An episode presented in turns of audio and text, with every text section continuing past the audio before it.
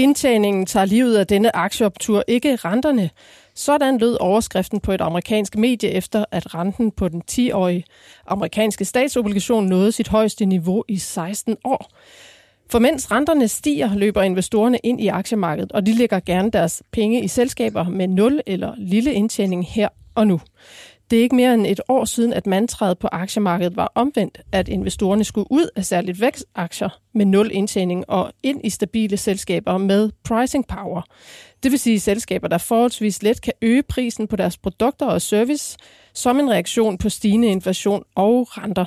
Lars Hytting, du er aktiechef i Arta Kapitalforvaltning. Hvad er logikken her? Jamen, der er jo hele det her øh, kunstig intelligens, øh, som, som i hvert fald har været, øh, været med til at drive det. Øh, alt, hvad der rimer på kunstig intelligens, det har, har rimet på aktiekursstigninger. Og hvis vi kigger specielt på det, på det amerikanske marked, så er det jo, så det, er jo det, der har drevet øh, de store. Nu, nu taler alle om Nvidia, som kommer med, med regnskab i dag. Den skal vi også tale om Det er jo et, et eksempel herpå. Øh, men når vi ser på S&P 500, som er steget, øh, hvad er det steget, 16 procent i år, eller, eller deromkring, nu har jeg ikke det helt friske tal. Det var i hvert fald første halvår. Det. Så, øh, så er det jo ikke, fordi det er sådan bredt øh, funderet, de her stigninger. Nej. Altså, der er de få store, der har trukket det, Mm. og, øh, Det og det er inden for på. det her. Ja, tak. Hvad siger du, øh, Simon Kirketab? Du er investorredaktør på Dagbladet Børsen.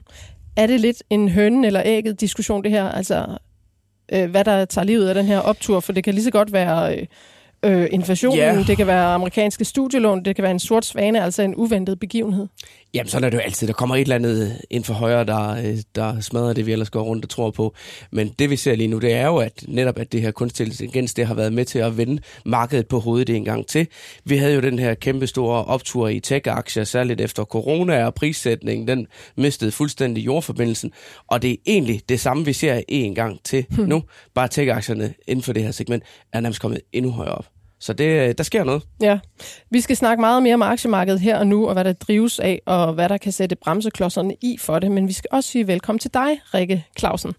Du er privatinvestor og øh, bygger dine investeringer på en karri- karriere som selvstændig. Blandt andet inden for grafisk design og kaffe, som tidligere ejer af en kaffebar. vi har inviteret dig med her i studiet for at få et indblik i, hvem du er som investor, mm. og forhåbentlig til stor inspiration øh, for vores lyttere og ikke mindst os selv. Hvad fascinerer dig allermest ved aktiemarkedet? Øh, konstruktionen i det, synes jeg, det var jo en genial opfindelse, som øh, holder endnu. Så synes jeg også, den øh, er fascinerende, fordi den øh, får alle øh, sådan vores øh, indre urkræfter frem, både de gode og de dårlige. Øh, og det der med at, at styre dem i det spil. Øh, Altså psykologien, Psy- tænker du på? psykologien og- i det, ja. Og både vores gode og vores dårlige øh, dømmekraft og vores grådighed og så videre. Alle de her grunddyder, Ja, ja. øh, Så man jeg, skal kommer være til. lidt af en uh, all-rounder for at kunne begå sig. Øh, ja, eller man skal på en eller anden måde kunne kontrollere sig selv eller styre sig. Ja, Ja, øh, velkommen. tak. Uh, vi taler også, øhm, som vi var lidt inde på, øh, om The Magnificent Seven, altså syv aktier, der udgør cirka 28 procent af det totale marked, eller markedsværdien i det brede amerikanske aktieindeks i S&P 500. Og det skal vi gøre senere med en investor, der er tungt investeret i seks af de syv trækheste. Velkommen også til dig, der lytter med til denne uges udgave af Børsen Investor Podcast. Mit navn er Gro Højer Tilst. Først skal vi dog dykke ned i nogle regnskabsaktuelle aktier. Bavaria Nordic, Lars, øh, har landet regnskab her til morgen. Aktien er som noget helt øh, usædvanligt onsdag overgået af Novo, Novo, nej, undskyld, af Novozymes som den mest shortede aktie ifølge tal fra Finanstilsynet. Aktien steg også meget hurtigt på regnskabet, som godt nok viste øh, flot fremgang på omsætning, driftsresultat og bundlinje, men selskabet fastholder sine forventninger til hele året. Hvad er det, der sker? Altså, hvad, hvad ser du i regnskabet, og hvorfor den her voldsomme kursreaktion, og jeg skal sige, den er faldet lidt tilbage efterfølgende? Jamen altså, selve tallene er jo, øh, er jo bedre end, end ventet, øh, og, og Bavarian fremlægger de bedste tal, de nogensinde har fremlagt. Øh, på, på den helt korte bane her har aktien været ramt af et droppet forsøg inden for ASV i, i 11. time, øh, og det har været en stor skuffelse, og det kostede også, øh, hvad kostede det, 25 procent på, øh, på kursen, på, ja, det gik meget stærkt. På en enkelt dag, ja. Ja, på en enkelt dag, ikke? Øh, og man kan sige, at de tal, der kommer i dag, de er jo sådan set upåvirket af det. Altså, hvis vi, øh, det er jo ikke, det er jo ikke ASV, der har bidraget til omsætningen eller driftsindtjeningen. Og det, som Bavarian viser med de her tal, det er jo et eller andet sted, at at man, øh, man er et profitabelt selskab, og, og lige nu befinder sig øh, nok mere og mere som et medicinalselskab, mm. end som et, et biotech-selskab. Altså, der er ikke flere af de her store projekter, Nej. hvor vi skal vende tomlen op eller ned. Altså, nu har man, nu har man sådan set det tilbage, som man, som man har. Og så skal vi som markedsdeltagere begynde at, at forholde os lidt til, hvad er det så, der er tilbage? Hvad skal det koste, og hvad er det værd? Mm. Og derfor ser vi de her store udsving lige øh, på sådan en dag som i dag. Okay. Øh, nu nævner du også, at aktien er massivt shortet. Ja. Og, øh, og der findes jo det begreb, der hedder et short squeeze. Altså yes. hvis du vil... Hvis du vil lukke dine shorts, øh, så skal du købe aktierne tilbage, og det gør du jo i markedet. Og, øh, og man kan sige, med sådan et sæt tal her, så viser selskabet i hvert fald, at øh, der er noget drift. Mm. Det er profitabelt, så, så det er, jeg vil ikke være sådan super tryg ved at ligge så, så shortet i, i sådan et selskab.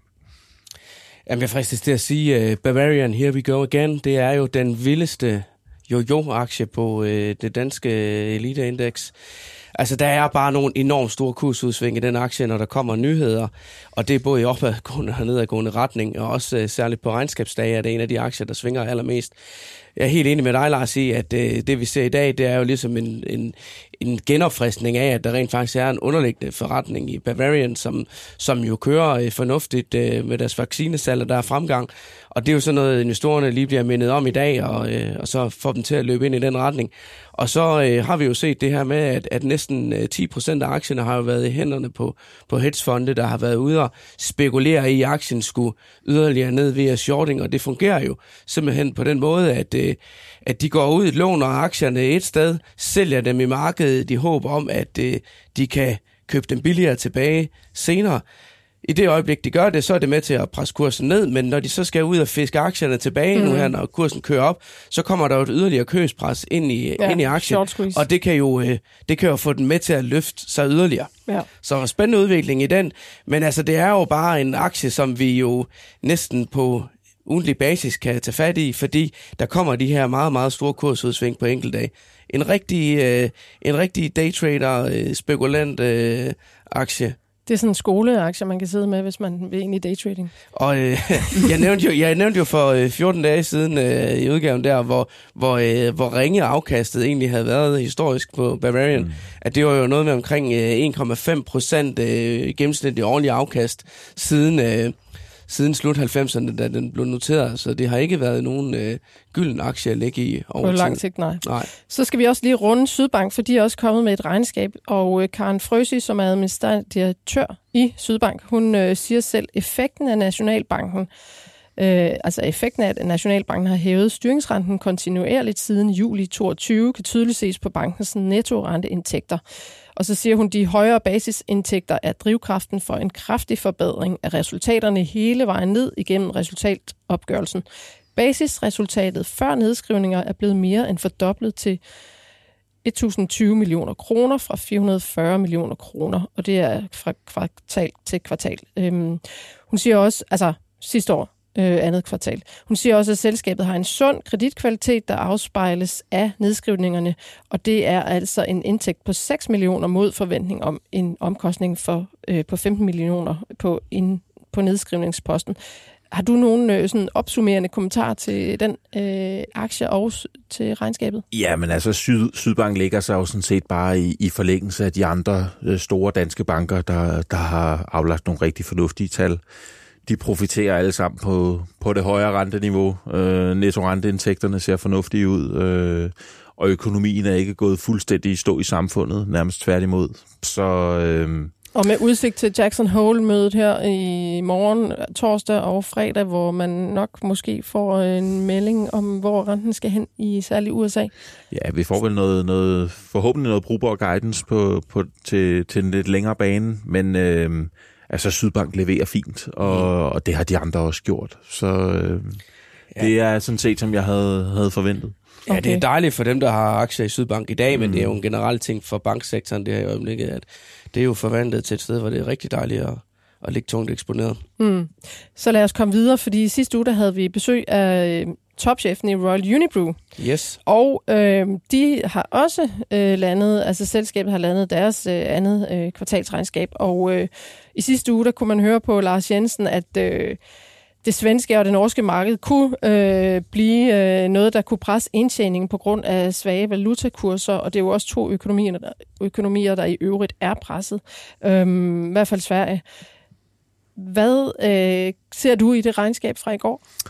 Øh, jamen, det var sådan øh, ganske udmærket. Øh, altså, vi kunne også se, at, at, øh, at det Lars nævner, det, det kunne vi også læse i tallene, at, øh, at Sverige og Norge øh, presser lidt på. Øh, men omvendt så var der, var der fremgang i Italien, hvor der har været lidt, øh, lidt udfordringer. Det ser ud som om, at, øh, at det er ved at bunde ud. Så sådan, hvis vi lægger det hele sammen, jamen så bestået og, og fint, og, øh, og markedet sendte aktien op øh, halvanden procents penge eller sådan et eller andet. Øh, det, det ser ud som om, at, øh, at tiltagene virker, og, øh, og selskabet øh, øger sin indtjening. Mm. Ja, deres driftsmargin var lidt bedre Ja. end øh, forventet, og det er jo noget, man som investor godt kan lide at se, ja. det der med, at øh, man kan tjene mere på en omsætningskrone, så det er jo, øh, det er jo ja. et godt tegn der. Og så kan det godt være, at omsætningen er, er under pres. Men stabil stadigvæk. Stabil forbrugsaktie. Ja, ja. ja. Godt. Øhm, så skal vi lige runde øh, de to aktier, som du har i vores portefølje. Øh, fordi du var jo med for to uger siden, og der øh, gav du en ret solid opbakning til GN Store Nord og til ISS. Siden er de jo øh, blevet presset lidt. Øh, ISS er faldet 14 procent, og GN har tabt cirka 17 procent over den to ugers periode. Altså, hvad er det, der er sket der? Er Ja, der det var noget? nogle nydelige øh, tal, de der. Ja, Øh, undskyld. Jamen, øh, altså i korte træk, så er begge selskaber jo kommet med nogle, øh, nogle halvårsregnskaber, som, som har været lidt til den skuffende side. En, en lille smule, men, men, men i min bog ikke øh, noget, der skulle retfærdiggøre de store fald. Som, Nej, det var som godt har nogle set. voldsomme slag, der lige kom godt der. nok, at der er blevet delt øh, håndmadder ud. Øh, og øh, altså ISS... Øh, jeg tror, vi er mange markedsdeltagere, der var den overbevisning, at, at, øh, at oprydningen var færdig. Altså problemerne var ligesom, det var overstået. Der er blevet solgt det fra, der skal sælges fra. Og nu, øh, nu er det bare en driftmaskine, der skal generere noget omsætning og, og noget mere indtjening nede på bunden. Ja, Lars, det var der, hvor øh, de lige pludselig kom med den her nedskrivning på Ja, omkring en altså, milliard der på deres er- franske forretning. Der er problemer i Frankrig og en nedskrivning på 1,3 milliarder, og man vil frasælge forretningsområdet. Øh, og det, det er selvfølgelig en skuffelse. Øh, og det er lidt sådan, jeg tror, der sidder noget i baghovedet fra gammel tid, for det, det er det, vi har set fra ISS igennem. Hvis vi lige går et par år tilbage i tid, så var det det her med, at øh, altså, der var nedskrivninger konstant, og ja, det har ikke været lige sjovt at være med hele vejen. Og, øh, og jeg tror simpelthen, der er nogen, der, der lige, den er lige, den har ringet op i hovedet igen, alarmklokken, og siger, åh oh, nej, skal vi, nu, skal vi nu i gang med det her en gang til? Øh, og jeg ser det omvendt som, okay, og, og frasælge Frankrig er den rigtige beslutning. Jeg, jeg havde bare ikke forventet, at det var nødvendigt. Men er det ikke sådan lidt en classic, vi har gang i her? De er jo midt i et øh, skifte på øh, topchef-posten. Jakob mm. Andersen skal til Carlsberg, og Kasper Fangel, den hidtidige CFO, han skal ind og, og overtage topposten der. Og det er jo det, man tit ser det der med, når der kommer en ny en til, så tager man lige et øh, hug til at starte med, og får, øh, mm. får skrevet nogle Nu ting ud af bøgerne. Øh, fordi så står han ligesom, så står han godt rustet til at, at lave en god historie ud af det derfra. Og det er jo altid dejligt, så at sige, at få øh, lavet nogle øh, nedskrivninger og sådan noget, fordi det, det får jo ens nøgletal videre mm. til at se pænere ud.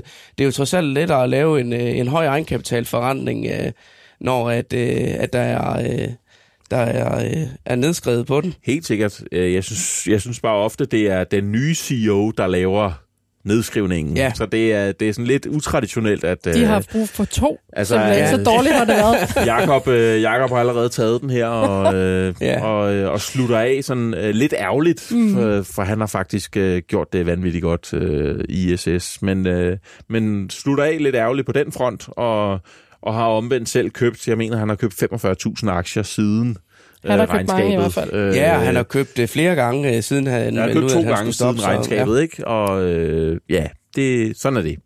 Købte han for 4,15 millioner her i den 18. august, tror jeg, jeg har noteret. Ja. Øh, og det var nok den anden omgang. Ja, men, men altså ISS, jeg er stadig positiv på den lange bane. Øh, det kommer bare til at tage lidt længere tid, og det, det synes jeg selvfølgelig er ærgerligt, mm. men, men det gør mig ikke øh, utryg eller andet. Altså, det, det kommer bare til at tage lidt længere tid. Ja, det er jo sådan en aktie, der har ligget i plus øh, stort set, ja. siden vi købte den for øh, over et år siden. Den er lige dumpet ned under vores købskurs nu. Det, ja, gør, lidt, øh, det, det gør lidt ondt at se. Det, det, gør, det gør lidt ondt. Øh, GN, bare lige hurtigt. Øh, kan man... Altså, det er jo også lidt som om, at øh, tilliden, den har det lidt svært. Øh, ovenpå, at ledelsen har taget nogle øh, lidt forkerte øh, beslutninger i forhold til investeringer, og måske også nogle forkerte gældsbeslutninger. Øh, beslutninger. men, men nu viser regnskabet jo her, det andet kvartalsregnskab, at der er sådan ved at være styr på det, men stadigvæk er investorerne ikke glade? Ja, altså, vi, øh, der er ingen tvivl om, at Hearing kører rigtig godt, og det følger helt i slipstrømmen på det, vi også ser for Demand, konkurrenten, som, som virkelig fremlagde et stærkt regnskab og opjusteret guidance. Men det gør ondt i audio, og det gør mere ondt end, øh, end forventet. Og derfor skal estimaterne også øh, lidt ned øh, i forhold til, hvad, hvad forretningen kan generere. Altså, det kommer til at tage lidt længere tid, det her.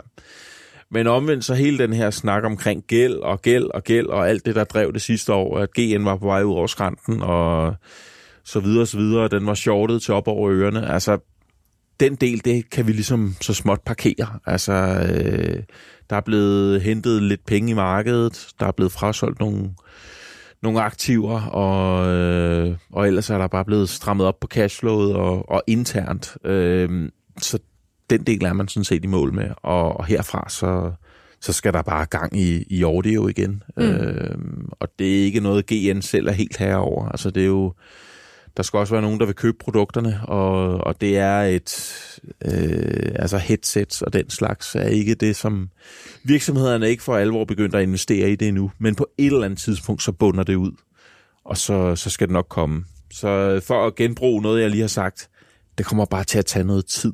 Øh,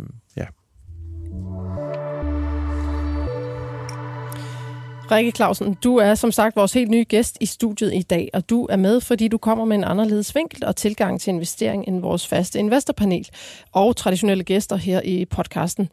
Du er ikke flasket op på et børsgulv eller i en bank og har knust tal hele livet, men du sidder alligevel i dag med muligheden for at investere i både børsnoterede og unoterede aktier.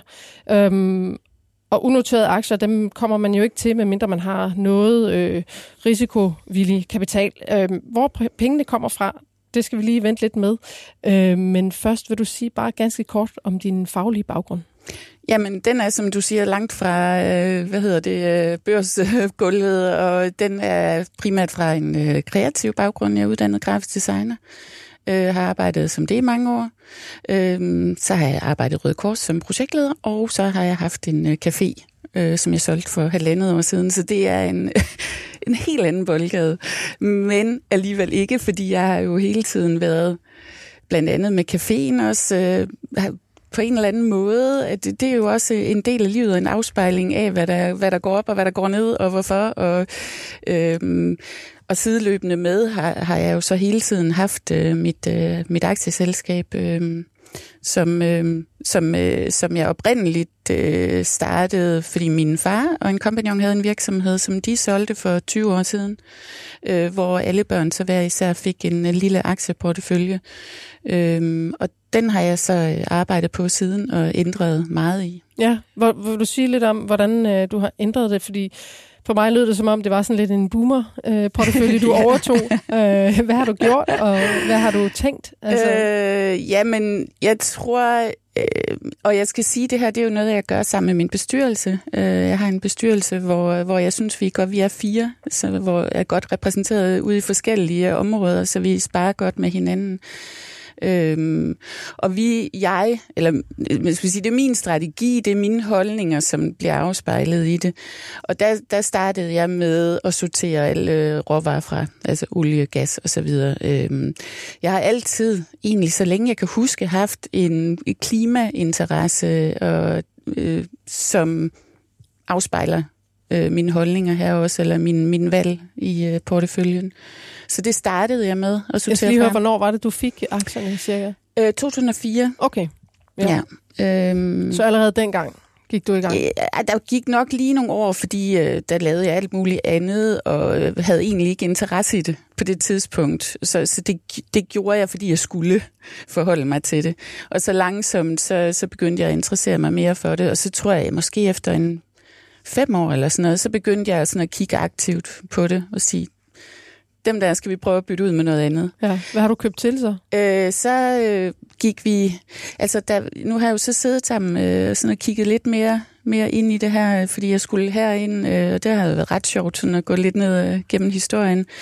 Øh, så, så vi startede på det tid, der startede vi meget med at købe tech øh, ret tidligt også. Kunne jeg forestille mig, at det, det er tidligt i forhold til, at det sådan har været omkring 10, 12, 13 stykker, mm.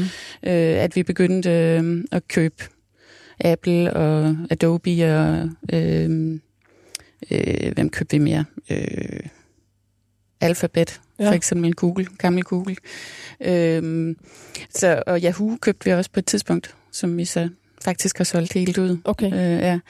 øh, så, og det, det, det var ud fra, det var i, i virkeligheden jo ikke ud fra sådan en klimaperspektiv på tiden, men det var, det var ud fra, hvad bruger folk? Hvad sidder jeg selv og arbejder med? Jeg er grafisk designer. Hvad for nogle hvad, hvad sidder jeg og arbejder med? Hvad sidder alle de andre så og arbejder med? Øhm, hvad er det for nogle telefoner, vi begynder at rende rundt med? Og sådan noget. Så det, var, det er ud fra de betragtninger. Så en slags øh, fremtidsforskning skal man have ind over os nærmest? Ja, ja, det, ja, det ved jeg ikke. Hvad jeg, det er jo lidt den der, hvad, hvad, hvad er det, vi går hen imod? Hvad tror vi bliver det? Hvordan, hvordan bliver samfundet fremadrettet? Og det er jo også sådan, jeg er begyndt at tænke nu. Hvordan bliver det fremadrettet nu? Hvordan skal vi så justere ind? Men hvis du har haft alfabet siden mm. dengang, så må mm. du have et tårnhøjt afkast på den, medmindre ja. du har solgt den ud. Har du solgt eller undervejs? Øh, vi har løbende solgt ud af dem, men der er ikke nogen af de her rigtig gode, som vi har, vi har solgt ud sådan øh, løbende. Taget noget profit? Ja, øh, og Alphabet er faktisk ikke engang en, en af højdespringerne. Altså, den er god, men øh, hvad var det, vi fandt ud? Den har jeg haft siden 2015 og indtil nu tjent 586 procent på den. Det er okay. da ganske okay. Det er meget godt. det er så ikke engang de fleste, jo. De altså. fleste, de, de slipper jo efter 50 procent. Men, eller... men, ja. men Rikke, hvad er, øh, nu er vi så nødt til at høre højdespringeren, hvad er det så? Altså... Jamen, øh, af tech-aktien, øh, der er det Apple, ja. og hvad man, det er 1200 procent. Ja. Og så er det Adobe, 1000 procent. Øh, Tesla købte vi 15 så det var 1640 procent. Og så har vi øh, sådan Novo selvfølgelig også 970 procent. Altså, hvordan, altså, øh, hvordan kan du holde på en aktie, når du kan se, at den er steget så meget? Altså, hvad, hvad, øh, bruger du et eller andet øh, et, et, øh, sådan psykologisk trick? Fordi de fleste, de kan jo, de tænker, nu skal jeg tage den der, nu er det for farligt, eller... Jamen, jeg kigger ikke særlig tit på det. Altså, jeg tror også, det, jeg har jo også mit andet liv sideløbende med, hvor jeg arbejder med de ting, jeg nu arbejder med, også som er lige så interessante for mig, som det, som det her er. Og så, så tror jeg bare grundlæggende, hvis jeg... Så, så tror jeg bare ikke grundlæggende, samfundet ændrer sig så hurtigt. Trods alt. Der sker mange ting på daglig basis, men overordnet set helt op i helikopteren, så ændrer det sig ikke så hurtigt. Så derfor så så, og jeg skal heller ikke bruge det, kan man sige. Jeg er så heldig på den måde, at jeg heller ikke skal bruge det til noget. Så, så, så øh, jo, jeg skal bruge det overordnet til at investere i unoterede klimaaktier øh, og virksomheder. Øh, så derfor så har jeg det sådan lidt, at øh, så skal de bare stå og vokse, så længe, så længe det giver mening. Selvfølgelig holder vi øje med det, men... Øh, men, ja. men, øh, men Rikke, du har jo på den måde formået at, øh, at undgå en af de sådan allermest gængse investorfejl, det kan du sikkert ikke genkende til, Lars, mm. også, at, øh, at en, af, en af de sådan mest gængse fejl er det der med at sælge sine vinder, mm. og så holde fast i taberne, mm. og, og, øh, og ikke lade afkastet rulle, når man så rent faktisk rammer noget af det, der løber rigtig stærkt. Så når man sådan hører din portefølje der, så lyder det som om, at, at du har faktisk præcis formået at gøre det, som man siger, man skal, men som er så svært. Goodie girl. men hvad, hvad altså, Øh, Hvordan? Hvis, hvis, du sådan, hvis, du, hvis du sådan ser, øh, ser tilbage øh, fra, øh, du startede med din portefølje og så til i dag, hvad, hvad er dit overordnede resultat så? Altså det er jeg jo nødt til at spørge til, når jeg hører sådan nogle afkastprocenter der, altså fordi det er jo... Øh, det er jo virkelig øh, i den pæne ende. Ja, det er da også heldigt, at jeg har skrevet det ned så. Altså, jeg har, fra, jeg har et tal fra, fra, fra 2009 til 23 I procenter, der har vi samlet til en 3.000, nej, sludder røvl, 364,62 procent. Som professionel investor, hvad siger du til sådan en, øh, et afkast, Lars? Det lyder, altså, Rikke har gjort det rigtig godt, men er også meget koncentreret i noget, som er gået rigtig godt. Det er Ja. jo så bare Rikkes fortjeneste. Øh, omvendt så, er det, så er det strider det lidt imod den her almene porteføljeteori i hvert fald, om øh, ikke at ligge alle æggene i noget, der minder om samme kurv. Jamen, det skal også siges, at øh, medicinal er stort set lige så stor. Ja, okay. Og så har jeg samlet 40-45 aktier, plus nogle investeringsfonde øh, fonde og noget obligationer og sådan noget. Så jeg har en rigtig god spredning. Men det har også, altså, øh, hvis jeg lige sådan lægger tallene sammen, du siger, du får det i fire, og så er det efter fem år, så er det lige efter finanskrisen. Mm. Øh, og det, det er selvfølgelig også et, øh, altså det skal ikke være for at forklejne noget, men det der er i hvert fald et, et sjovere tidspunkt at, øh, at starte ud på. End, Og, og mål fra en, en 07. Helt ja, sikkert. altså, Helt øh, sikkert. men det, det er godt gået. Der er, der er jo ikke så meget andet at sige end det. Men du fik det jo fire, så du har jo finans... Ja, men det er simpelthen, fordi jeg skiftede bank Nå, i 2009, så jeg har ikke tallene fra 4 til Nej, 9. okay. Nej, Øhm. det øh, påvirker selvfølgelig noget. Ja. Men, men øh, hvordan, øh, hvordan går du til det i dag? Altså, øh, hvordan finder du dit, altså, er du god til at finde nye aktier, eller holder du bare dem, du har, og så... Øh, Vi skifter løbende ud, altså når vi sælger ud af nogle af de gode, så skifter vi løbende ud. Og jeg kan helt klart mærke nu, at der kommer en tendens nu, også fordi jeg bliver mere og mere skærpet på det, jeg bruger mere og mere tid på det. Øh, der, kommer en der kommer måske en nedgang, fordi vi vil gerne prøve at sadle lidt om imod øh, mere klimavenlige og bæredygtige aktier, øh, og kigge endnu mere på øh, ESG-rapporterne og tage udgangspunkt i dem. Øh, fordi at det for mig rent personligt er bare, bare det vigtigste mål nu, altså lige præcis det her i forhold til grådighed og sådan noget. Det kan ikke nytte noget at tænke på den måde mere, synes jeg. Øh, så vi kommer til langsomt nu og er så småt begyndt at, at tage noget af det fortjeneste, vi har på dem, og flytte over i nogle af de aktier, som vi tror på kan være med til at løfte den grønne omstilling. Hvad er det så for nogle aktier? Øh, lige nu, for eksempel, har jeg købt øh, NKT, Ja. øh, og så øh, har vi købt ASML. og NKT, det er jo så, fordi de leverer kabler til Ja. den her øh, elektrificering af Yes. samfundet. Ja. Præcis. Og ASML, de laver tip, øh, og den ligger i Holland. Øh, kører ikke så godt lige nu, men altså, det er jo så det, man kan sige, man er heldig. Vi er, vi er heldige, at vi godt kan bare lade den ligge og vente lidt, øh, og se, hvad der sker. Øhm, og det tror jeg, at der vil komme til at ske. Det, det bliver jo risikabelt på en eller anden måde, ligesom med IT-boblen dengang også og sådan noget. Selvfølgelig bliver det risikabelt, men vi er jo også så heldige, at vi godt kan risikere at tabe lidt på den her omstilling, øhm, som for mig er, er det vigtigste at gøre. Og, Ja. og det kan selvfølgelig sagtens være med på, på, hvad hedder det, bekostning af nogle af tech-aktierne. Men det tror jeg måske også på sigt er fornuftigt nok at begynde. Du har lidt Tesla, ved jeg også. Mm. Hvornår købte du den? Den købte jeg i 15. Og, og er det sådan en, du måske overvejer lidt, hvad du skal gøre med, eller hvad? Jeg kigger i hvert fald meget mere på den nu, end jeg Mm. gjorde før. Altså øh, netop på grund af, af det kinesiske marked, også el- hele elbilmarkedet generelt. Ikke? Øhm, og det, den, det, det, bliver, det bliver da lidt tricky. Altså det er jeg lidt spændt på, for jeg har bestemt ikke lyst til at gå ind i det kinesiske marked, det må jeg bare sige. Jeg købte faktisk øh, BYD eller BYD, jeg ved ikke hvordan, Fedt, ja. og dem bliver jeg simpelthen nødt til at sælge igen. Altså det kan jeg simpelthen ikke stå indenfor. Altså Øhm, den kinesiske... Hvorfor? Den kinesiske. Øh, hvad tænker du? Jamen, fordi uigurerne og Ja. hele, vi ved ikke, hvordan folk bliver behandlet, og det, det kan jeg simpelthen bare ikke stå inden for. Øh, og selvfølgelig også klimamæssigt, og sådan, øh, hele, hele den del, øh, det hele geopolitiske mm. og sådan noget, det kan jeg bare ikke stå inden for. Så, så det var lidt en... Jeg ved sgu faktisk, jeg blev lidt lokket af lidt, spænd, lidt spændende med det der elbilsmarked, Ja. hvor det kunne tage hen, men jeg, når jeg kigger på den, så bliver jeg nødt til at sige, at vi bliver nødt til at sælge den igen, også Og du har selvom vi købt har den? på den. Ja, og har du købt den efter Tesla, fordi ja. Tesla måske ikke vinder så kraftig markedsandel på Øh, det det, kinesiske det er marked, meget som for man har? nyligt, da jeg købte, købte den. Ja. Tror, det var sidste år. Okay. Øh, men den ryger altså ud igen. Okay. Øh, og så... Øh, men jeg synes, at elbilmarkedet er spændende, så jeg sidder sådan og kigger meget på, øh, hvor kommer det til at rykke henne. Fordi der er jo ikke nogen tvivl om, at hvis vi får gode, billige elbiler, så køber folk dem ligegyldigt, hvor de kommer fra. Ja. Lars, jeg ved, du kører jo også en øh, aktiefond, der er øh, øh, responsible, hedder mm. Mm. Det er sådan nogle dilemmaer, du, øh, du sidder og kigger ind i en gang imellem os. Ja, men helt sikkert. Altså, vi holder os langt væk fra, fra Kina, øh, blandt andet. Så der, der skal ikke kunne sættes øh, en finger på noget. Øh, jeg havde faktisk Ericsson på et tidspunkt, og så kom der en korruptionssag op, øh, og så, jamen, så sælger vi med det samme. Altså, der, er ikke, der skal slet ikke være tvivl om noget. Det er bare Men- ud. Ja, var det i Kina, den korruptionssag? Nej. Nej. Men øh, korruption er korruption. Ja, det skulle det jeg er også det. lige til at sige. Det er Kina, eller hvad det er. Det, Ja. Rikke, ved du hvad, øh, det var super fedt at have dig med. Vi kunne jo snakke øh, om din portefølje og din investeringsstrategi i langt mere tid, men øh, vi må få dig med en anden gang. Det vil jeg gerne. Tak fordi du var med. Tak. Syv aktier har trukket 73 procent af stigningen i det øh, brede amerikanske aktieindeks S&P i første halvår.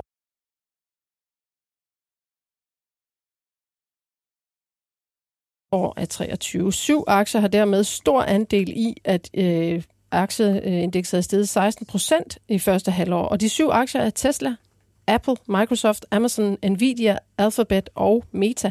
De er samtidig de mest populære aktier blandt danske private investorer, og de er også at finde i din portefølje, Christian Jan Kongsted, lige med undtagelse af Tesla. Velkommen til.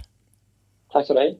Og du er jo investor, og du er det, man kan kalde øh, copy trader. Øh, Det vil sige, at andre kan kopiere dine handler. Øh, Og du går under navnet Copenhagen Equities på handelsplatformen eToro, hvor over 15.000 investorer simpelthen kopierer dine handler. Um, Ja, hvor mange penge følger dig, når du foretager sådan en handel? det er over 185 millioner kroner, og mit navn er CPH Equities på, på eToro, bare lige for at sige det helt præcis. Okay, Så har vi kodenavnet ja, på plads også. Ja, ja, Det er fordi, det. øh, ja, man kan nemlig ikke mig frem på mit navn derinde, så derfor er det ja meget så rart at vide, CPH Equities er. Ja. Yes. Øhm, okay, men du har altså en del eksponering til de her øh, syv øh, øh, fantastiske aktier. Du øh, har ikke Tesla. Øh, men, øh, og de er jo ret interessante lige nu, øh, fordi Nvidia kommer med regnskab øh, onsdag aften, dansk tid. Og mange de øh, frygter jo lidt, at øh, hvis det regnskab det bare viser den mindste svaghed, så kan det ryste resten af markedet, og dermed også øh, globalt. Du ligger jo så stærkt positioneret. Altså, sådan et regnskab, det er jo bare på kort sigt, men, men kan netop det her regnskab ikke gøre et eller andet øh, på lang sigt også? Jo, altså, øh, man skal altid, når man øh, arbejder med det til daglig, skal man følge med i, hvad der sker på de her øh, regnskaber. Det er klart, at det her det er et utroligt vigtigt regnskab, både for Nvidia, for, øh, for sektoren som helhed, og måske også på den korte bane for, for markedet. Det, som man jo ved helt klart, det er, at der er en meget stor efterspørgsel efter Nvidias produkter. Det kommer mange steder fra i verden. Det kommer både fra Kina, det kommer fra Mellemøsten, og selvfølgelig også fra USA.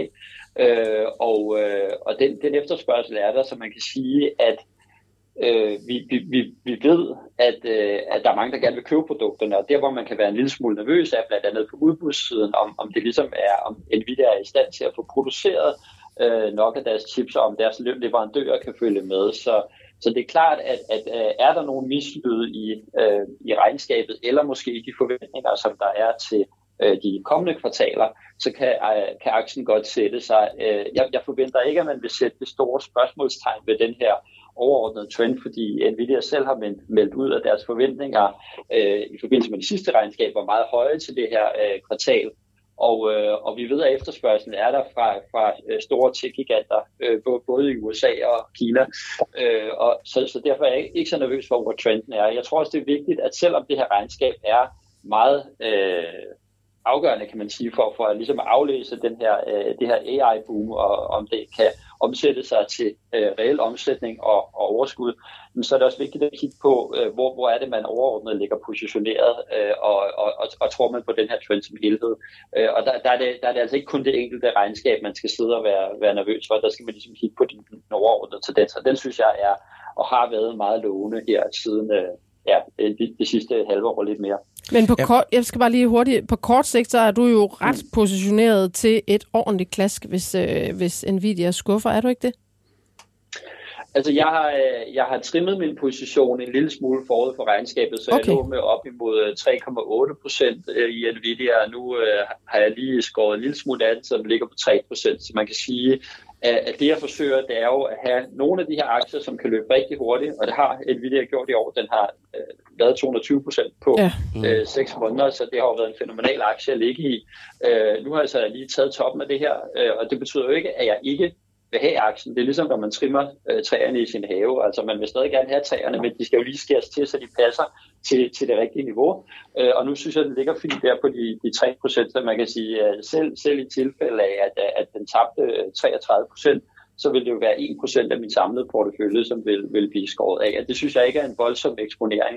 Øh, til gengæld har jeg jo så øh, andre stabiliserende elementer i min portefølje for at sørge for at være diversificeret. Så, så jeg synes, det er fint at have en eksponering til, til den her trend, og det har jeg så også igennem andre aktier, men, mm. men jeg har også en masse andre ting i min ja, portefølje. Altså 3% i porteføljen i en aktie, det er jo ikke, det er jo ikke et voldsomt bet, du sidder med der, øh, Christian, så, så må ikke, må ikke det kommer til at, at gå fornuftigt. Det er jo en fantastisk uh, tur, Nvidia har været på, uh, særligt det seneste år. Og nu har vi jo i podcasten her utrolig mange gange snakket uh, Novo Nordisk, og uh, hvor fantastisk et, uh, et afkast uh, den har leveret. Øh, og nu prøvede jeg bare lige at spole øh, 10 år tilbage på øh, vores Bloomberg-terminal her, så se uh, Nvidia i forhold til Novo. Altså der har vi et afkast på, uh, total afkast på omkring 710 procent på Novo i den periode, men hvor Nvidia er helt op med 12.000 900 procent i samme periode. Så Nvidia er jo en af de aller, aller bedste aktiehistorier på øh, aktiemarkedet globalt set over de seneste øh, 10 år. Og nu nævnte du det der med, at de kunne følge med øh, øh, produktionsmæssigt som et øh, risikoscenarie. Og det kan, man, det kan man jo også måske faktisk øh, se omvendt på og, og se det som en mulighed. Nu er Oscar Bernhardsen, der er investeringsstrateg ude i Saxo Bank, som vi også øh, har haft med øh, her tidligere. Øh, jeg fik et skriv fra ham øh, i i går, hvor han også øh, skrev ind i det her øh, Nvidia, øh, hvor han så faktisk skrev øh, personligt, øh, tror jeg, det eneste, der kan få aktien til at stige, er hvis Nvidia kommer ud som vores egen Novo Nordisk og siger, at de ikke kan følge med den store efterspørgsel, og at de nærmest kan sætte deres egen pris i markedet. Fordi hvis øh, efterspørgselen er, er højere end udbuddet, så giver det dem jo til gengæld også en massiv pricing power. Så øh, det er jo ikke nødvendigvis øh, skidt, at øh, hvis de bliver lagt ned af, af efterspørgselen. Nej, nu vil jeg også bare lige sige, at den der eksponering, du har, jeg mener jo også, du har jo øh, seks andre øh, aktier, der ligger øh, og kan få tæsk her, hvis det er.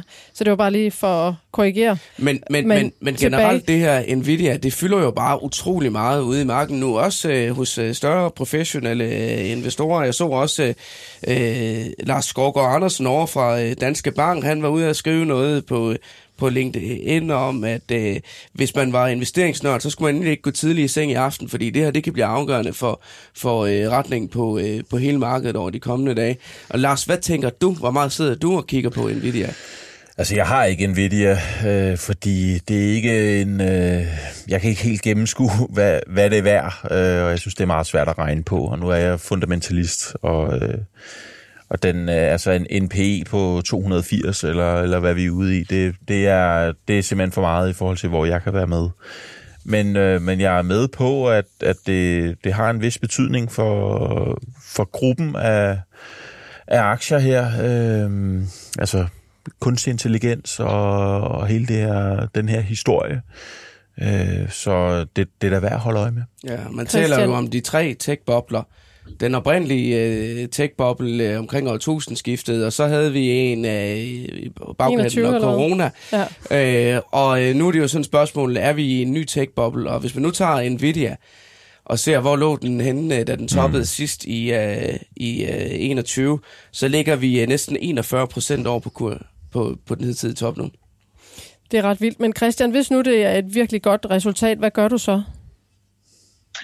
Jamen, så bliver jeg bare hængende i aktien, fordi øh, jeg synes, jeg har en fin eksponering, som ligger der mellem de øh, 3 og 4 procent. Det er jo en ekstremt volatil aktie, som kan øh, uden problemer sætte sig 15 procent på et regnskab, og som vi så ved sidste øh, regnskab stige stort set 25 procent. Så, i og med, at den er meget volatil, så har jeg ikke umiddelbart øh, så stor appetit på, at den nødvendigvis skal fylde mere, selvom den har haft et super afkast. Jeg har så været inde i den de sidste øh, syv år, så jeg har fået et afkast på 800% på den aktie.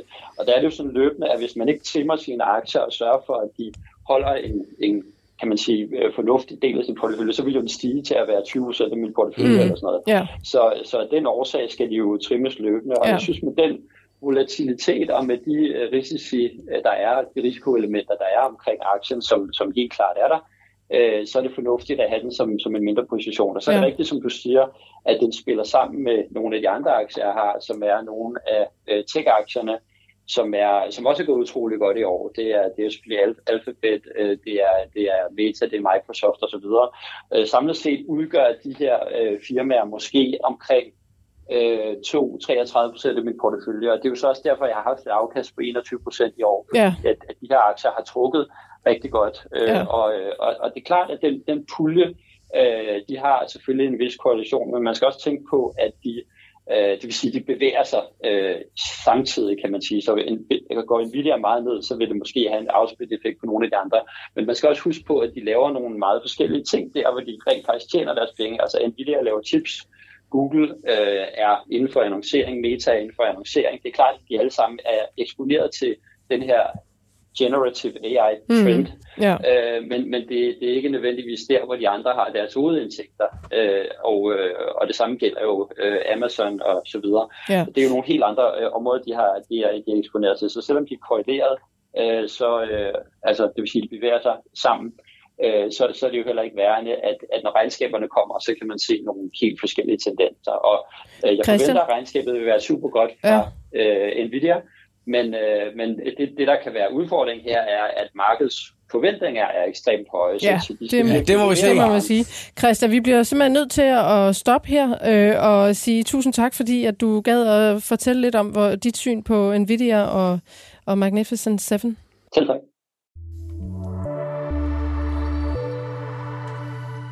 Og vi har jo ikke øh, Magnificent 7-aktier i vores All-Star-portefølje, men det går vel alligevel okay, selvom august har været en slem måned, eller hvad, Det Simon? går faktisk rigtig fint. Altså, øh, vi har vores startkapital på de 600.000, og vi har været op over 700.000. Vi er faldet lidt tilbage. Vi har en porteføljeværdi på 684.000 lige nu, og det, vi har jo sådan allerede i dag snakket om øh, de to bomber, vi lige er løbet ind i her øh, over de seneste uger, ISS og øh, GN Store Nord. Men øh, Lars, vi aftaler, vi, øh, vi giver dem noget mere tid, og så ser vi, om de ikke øh, kan, Det skal nok komme. kan, kan skal komme derop komme. af igen. Ja. Godt. Øhm, vi sætter punktum for det, den her udgave af Børsen Investor øh, podcast, og hvis øh, du har lyst til at være publikum på vores særlige live podcast show, så meld, det, øh, meld dig til i det link, vi lægger ud med den her podcast i noterne. Arrangementet er gratis og foregår tirsdag 5. september kl. 17 i København. Ja, og det vil være fantastisk at se nogle af alle jer lyttere. Det øh, vil, øh, vil glæde os rigtig, rigtig meget, så kom endelig. Og jeg har hørt, der er vin og snacks. Det, og det er øh, gratis, som sagt. det og, sørger vi for, ja. ja. Og vi vil også rigtig gerne have ris og ros eller spørgsmål, så det tager vi meget gerne imod fra jer på investor Tak til jer i studiet, privatinvestor Rikke Clausen, Lars Hytting, aktiechef i Arta Kapitalforvaltning, og til dig, Simon Kirketab, investor, redaktør på Dagbladet Børsen. Og så har vi Mie He, som stod for teknikken. Tak for denne gang, Mie. Du øh, skal ud og læse videre på RUK. Og mit navn er Gro Højer Tilst. Vi høres ved næste gang, 30. august.